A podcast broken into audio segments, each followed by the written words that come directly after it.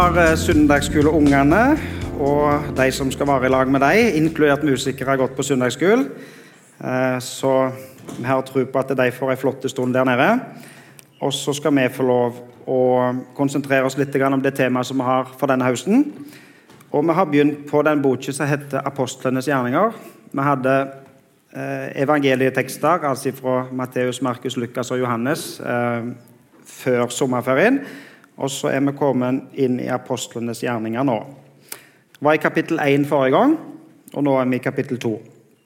Vi skal lese noen vers derifra òg, fra vers 37 og til vers 47.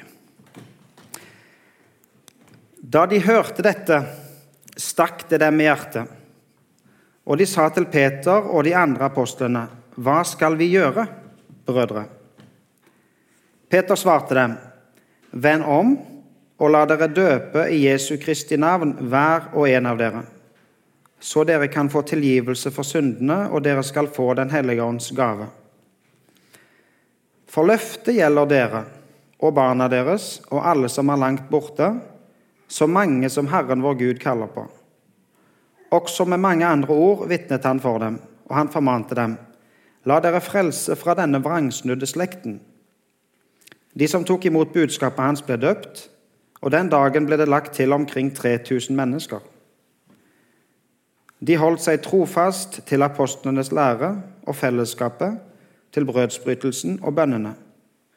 Hver og en ble grepet av ærefrykt, og mange under og tegn ble gjort av apostlene. Alle de troende holdt sammen og hadde alt felles. De solgte eiendommene sine og det de ellers eide, og delte ut til alle etter som hver enkelt trengte det. Hver dag holdt de trofast sammen på tempelplassen, og hjemmene brøt de brødet og spiste sammen med oppriktig og hjertelig glede. De sang og lovpriste Gud og var godt likt av hele folket. Og hver dag la Herren til nye som lot seg frelse. Den 12. mars i fjor var det mange nordmenn som eh, var samla før fjernsynsapparatet sikkert, eller andre måter, og hørte på Erna Solberg sin tale.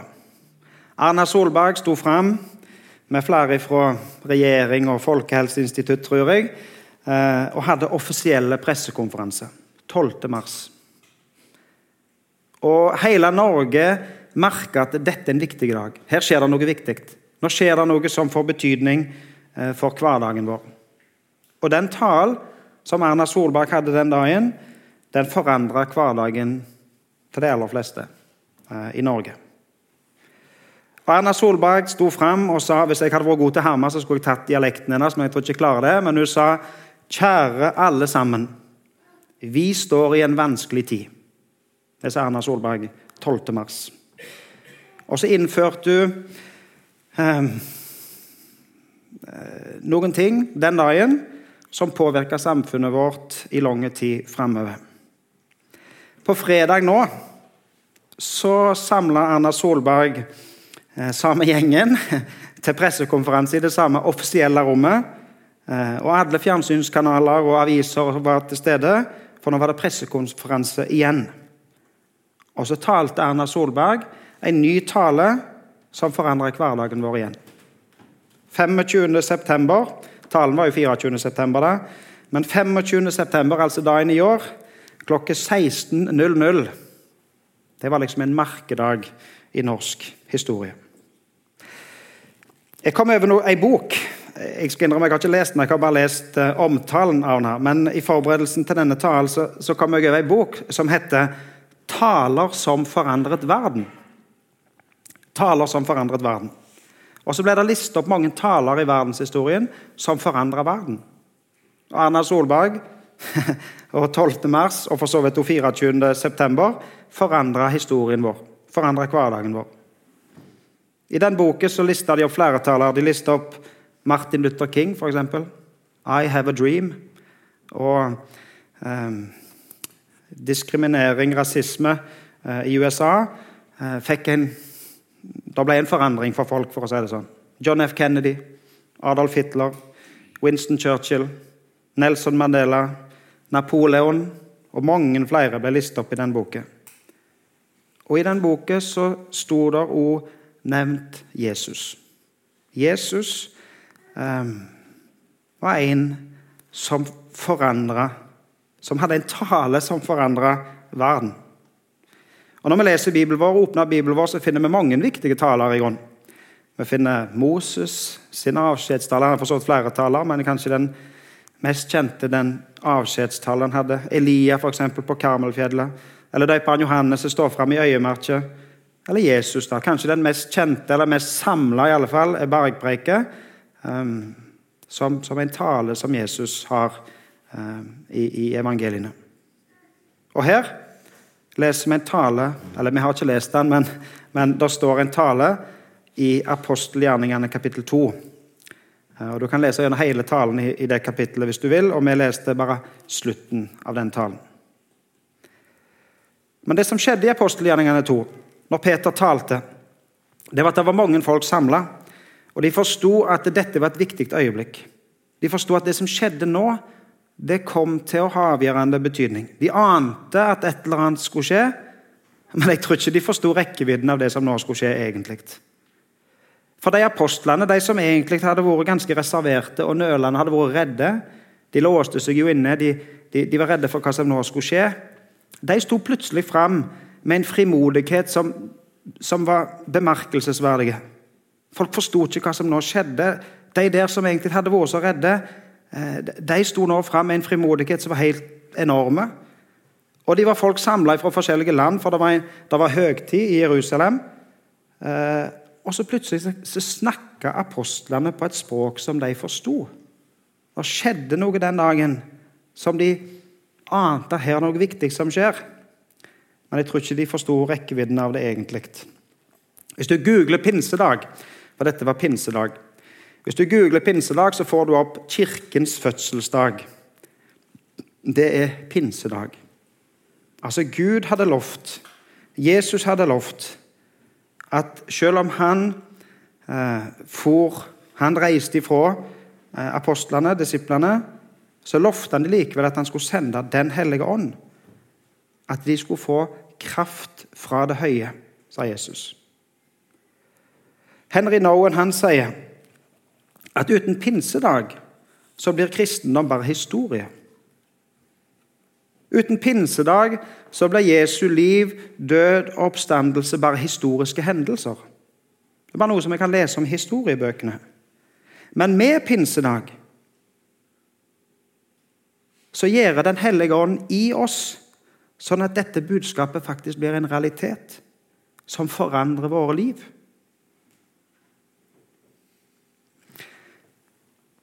Når de som var samla på pinsedag, i den teksten vi leste her, når de hørte talen, eh, så står det at det stakk de i hjertet. Det stakk de i hjertet. Og Jeg tror egentlig vi kjenner den følelsen, alle mann, hvordan det er når, når, det, når noe stikker i hjertet. Og så er det ikke sånn at det, at det, skjer fysisk, at det er noe som stikker i hjertet.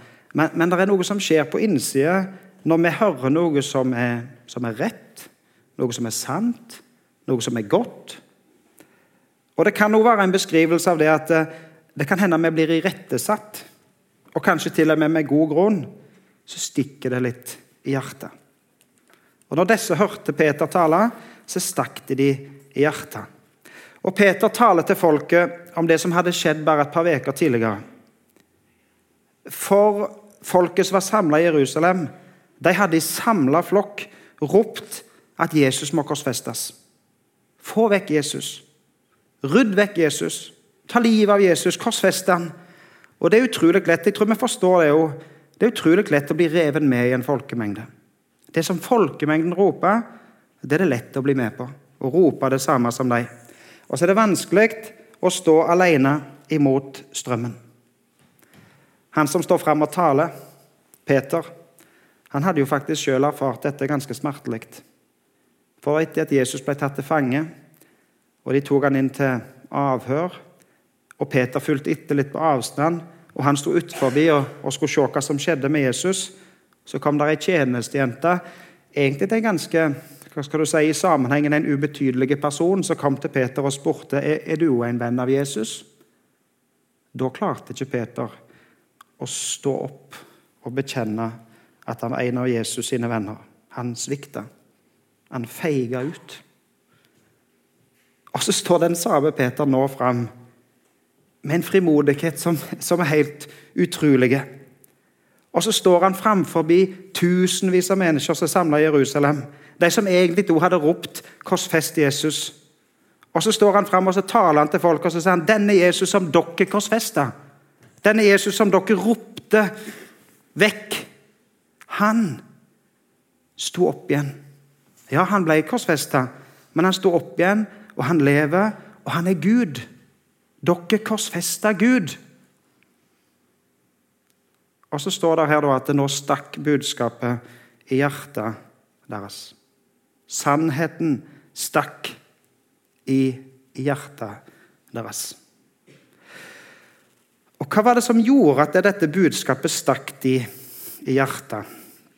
Hva var det som gjorde at Peter talte med en sånn kraft? Timothy Keller har skrevet en bok eh, som heter 'Preaching', eller eh, 'Forkynnelse' på norsk. ennå. Og Timothy Keller sier det at eh, det fins dårlige og det fins gode preiker. Det fins eh, eh, framføringer som er mindre gode eller mer gode. Eh, og de som står fram og preiker, de kan trene seg på egentlig å bli gode til å preike. Eh, og en, en som En som trener seg på å framføre godt, eh, går på skole for å studere det, studere det, lære teknikker, retorikk osv. Eh, de kan jo bli ganske gode til å preike. Jeg tror, altså, de fleste av oss kan bli, kan bli, gode til å preike. Vi kan levere gode preiker. Vi får det til. på en måte. Vi skriver det ned og, og får gjerne hjelp av andre. Og så, og så, får vi til å levere en god preik. La oss si det, i alle fall. Men så er det en forskjell, sier han. Det er en forskjell på det som, han, det som han kaller for good preaching og great preaching. Altså på god forkynnelse og skal du si det, fantastisk eller ekstraordinære eh, forkynnelse. Og han sjøl, Timothy Keller, er jo en forkynner som mange setter høyt, og som, som utrolig mange hører på. Eh, men forskjellen sier han da på good preaching og great preaching, det er Den hellige ånd. Altså, Du kan gå i kirker og bedehus og høre gode preiker. Men hvis ikke Den hellige ånd får virke, så blir det bare good preaching. Det blir bare ei god preik. Og Det kan faktisk sitte to stykker i samme sal og høre den samme preiken og oppleve to forskjellige preiker. Den ene kan oppleve en ok, greie preik, og den andre kan oppleve great preaching. Og forskjellen er faktisk Den hellige ånd. Hvis du har det sånn som meg av og til, så tror jeg du kan sitte i sal på bedehuset eller i kirka eller hvor du hva eh, plass du sitter, og så opplever du noen gang at taleren taler rett til deg. At den preika som er, den, den, den liksom når inn til deg, og den, den peker på et eller annet, ikke deg. Og jeg tør påstå at det er ikke det at taleren har gjort undersøkelser på forhånd og funnet ut hvem som sitter i salen, og liksom funnet ut hva skal jeg trykke på akkurat for å si noe til deg. Men det handler nok om at Den hellige ånd virker i det som blir sagt. Og så føles det ut som om det blir sagt noe til deg. Til deg. Og I Peters preik den dagen så virka Den hellige ånd så kraftig. For flere tusen at det stakk de i hjertet. De kjente at her taler han rett til meg. Og Så roper de opp til Peter og så spør de han, hva skal vi gjøre.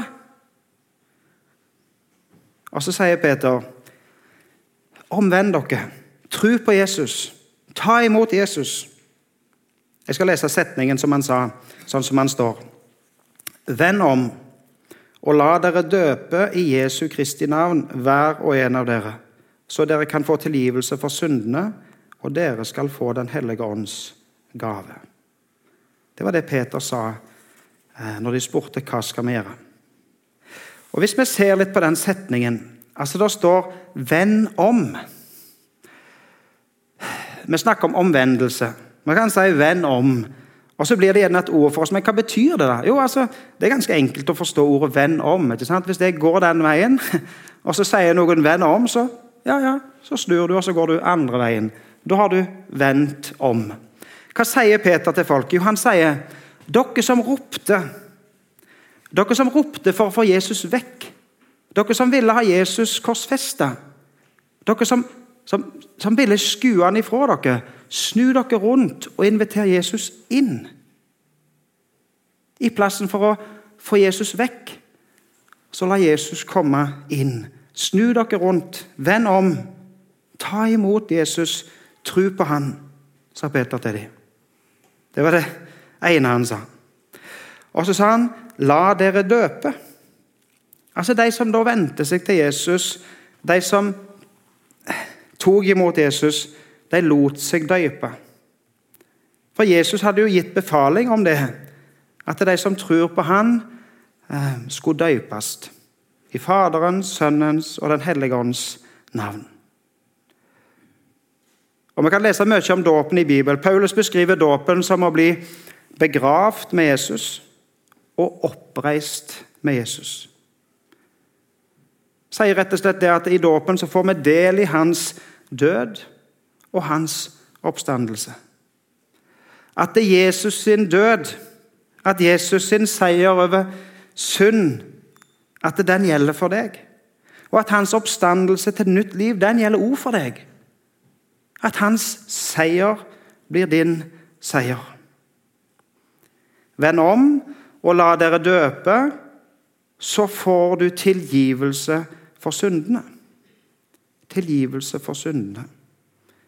Altså det som taler mot deg, det som anklager deg, og det som skiller deg fra samfunn med Gud, det blir tatt vekk. Tilgivelse. Tilgitt. Strøket ut. En plass står det at det skyldbrevet som var skrevet imot deg, ble nagla til korset. Han tok det vekk, og han sona for dine synder når han døde på korset, for å gi deg tilgivelse for synd. Og så høres det ut liksom som om det Det blir så Skal du si Det blir så trist med en gang vi snakker om om synder og sånn. Ehm, og så er det jo egentlig litt trist. Litt sånn at hvorfor, skal vi snakke om det? Hvorfor skal vi ta fram våre dårlige sider? Og så tenker jeg at Hvis vi er litt ærlige med oss sjøl, hvis vi ser litt på våre egne liv, så klarer vi å forstå alle at det er noen ting i våre liv som vi trenger tilgivelse for. Det er noen ting som vi ikke eh, klarer å håndtere eh, på rette måten. Det er noe som heter synd i våre liv. Og så blir egentlig det gode budskapet, den fantastiske nyheten, blir jo rett og slett det at vi får tilgivelse for syndene. Jesus har gitt oss tilgivelse for syndene. Og en, altså Han sa, 'Venn om, La dere døype, så får dere tilgivelse for syndene og Den hellige ånds gave. Altså Det som skjedde med Peter og apostlene den dagen, de som var blitt så forandra fra å være så feige til å bli så frimodige, den gava ga vi òg få i. Og så er det ei gave som er større enn vi kan fatte, og det er liksom litt vanskelig å få tak i. For det, for det er noe som virker i oss på en, på en måte som vi ikke helt klarer å forstå. Altså Det er Den hellige ånd i oss. Gud som er med oss. Altså hans kraft i våre liv. Og denne kraften Denne kraften gjør at vi, sånn som Anita forklarte oss for søndagsskoleungene, at vi går faktisk ifra døden til livet. At det, det som visner og dør Ehm, det får et helt nytt liv av Jesus. At det er vi som av naturen egentlig sto Gud imot, nå har samfunn med Han. At våre harde hjerter, som egentlig ikke, ikke kjenner Gud, blir gjort om, og så får vi et nytt hjerte som både ser Jesus og som erfarer Jesus i våre liv. Den hellige ånds gave.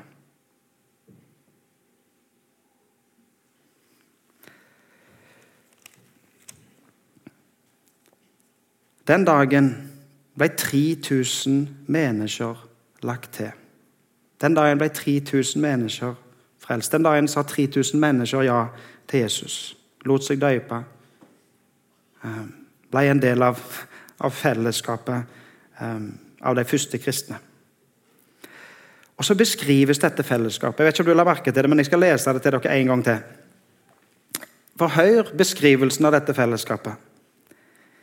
De holdt seg trofast til apostlenes lære og fellesskapet, til brødsbrytelsen og bønnene. Hver og en ble grepet av ærefrykt, og mange under og tegn ble gjort av apostlene. Alle de troende holdt sammen og hadde alt felles.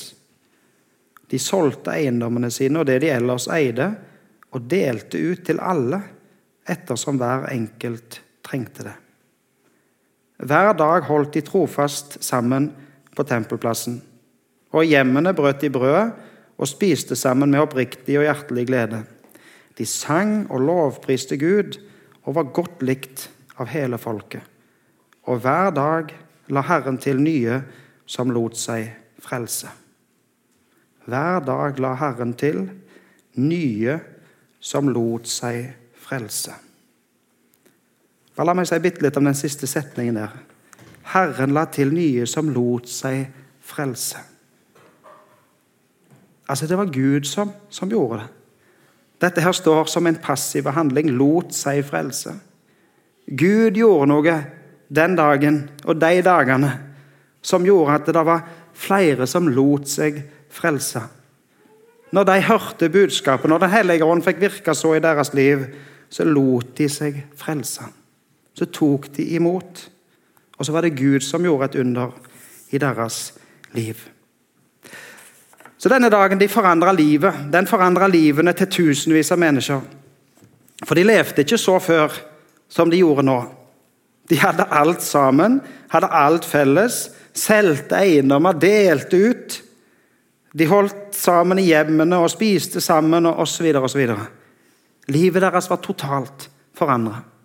Ifra sånn som det hadde vært før, til et nytt liv som de hadde nå. Et nytt fellesskap. Så forandra pinsedag livene for disse tusener av mennesker som, som var samla den gangen. Og så fins det òg noen merkedager i våre liv. Det fins noen dager i våre liv som forandrer livene våre. Noen festdager. I år hadde vi fest her. Det var tolv konfirmanter som ble konfirmerte. Eh, og Jeg håper og tror at de tolv hadde en festdag, en merkedag, som på, måte, på mange måter forandra livet deres. Og så får vi presentert ti-elleve konfirmanter i dag, som også skal ha et år som et, et, et, eh, skal du si, som et merkeår kan vi si, i livet deres. Og så skal de konfirmeres i april neste år. Og så blir det på en måte et før og et etterpå. Og så er det også noen sånne merkedager i ditt liv som markerer et før og et etterpå. Noen festdager, forhåpentligvis mange festdager, der det var før og etterpå. Og så er det nok dessverre òg noen merkedager som ikke er positive, og som påvirker livet ditt på en annen måte. Og så vet vi at det kan skje så plutselig. Sånne merkedager kan oppstå så plutselig at ingen av oss klarer å være forberedt på det. Men den dagen sånne merkedager setter inn,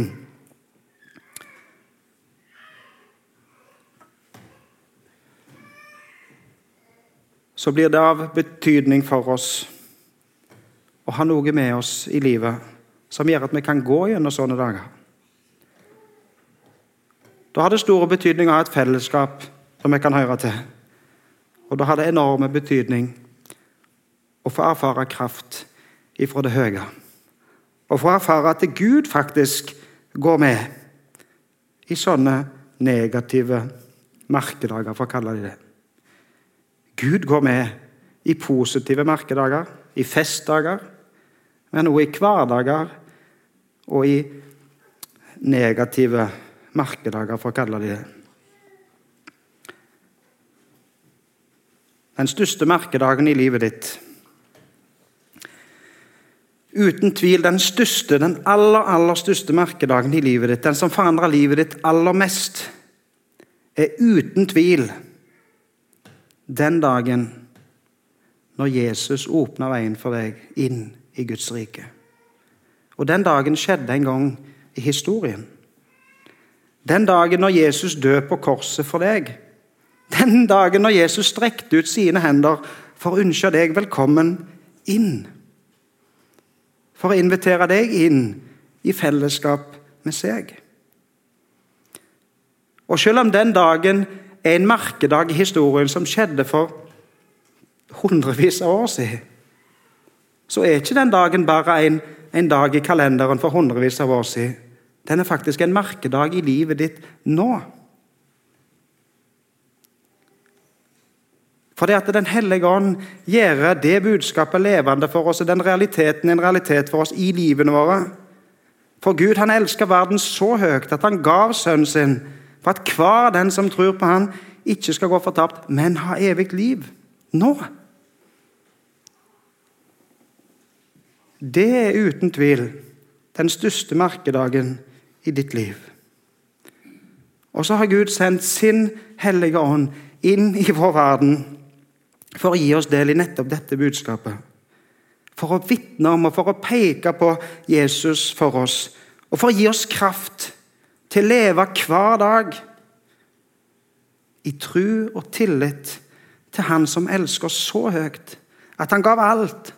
Han gav til og med seg sjøl for hver og en av oss.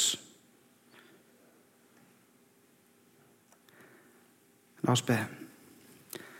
Kjære Jesus.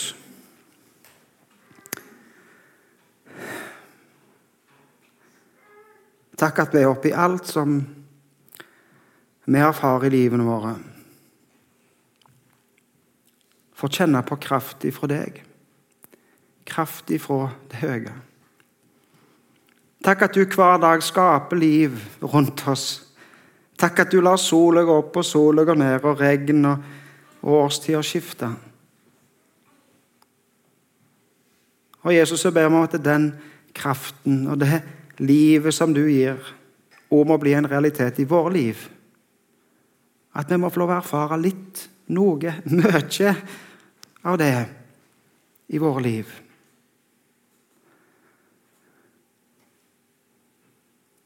Og Jesus, så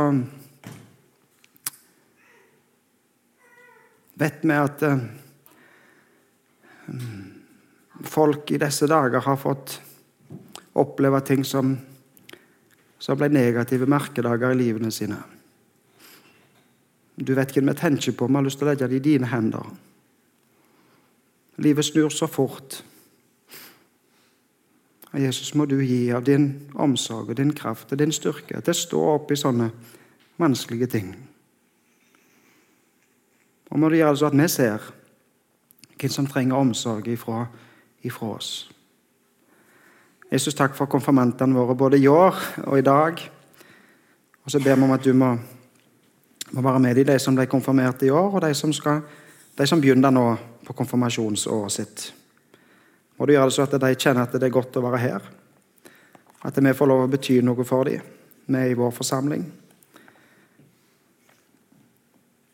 Vi ber om velsignelse både for deg og for hver en av oss. I ditt navn. Amen.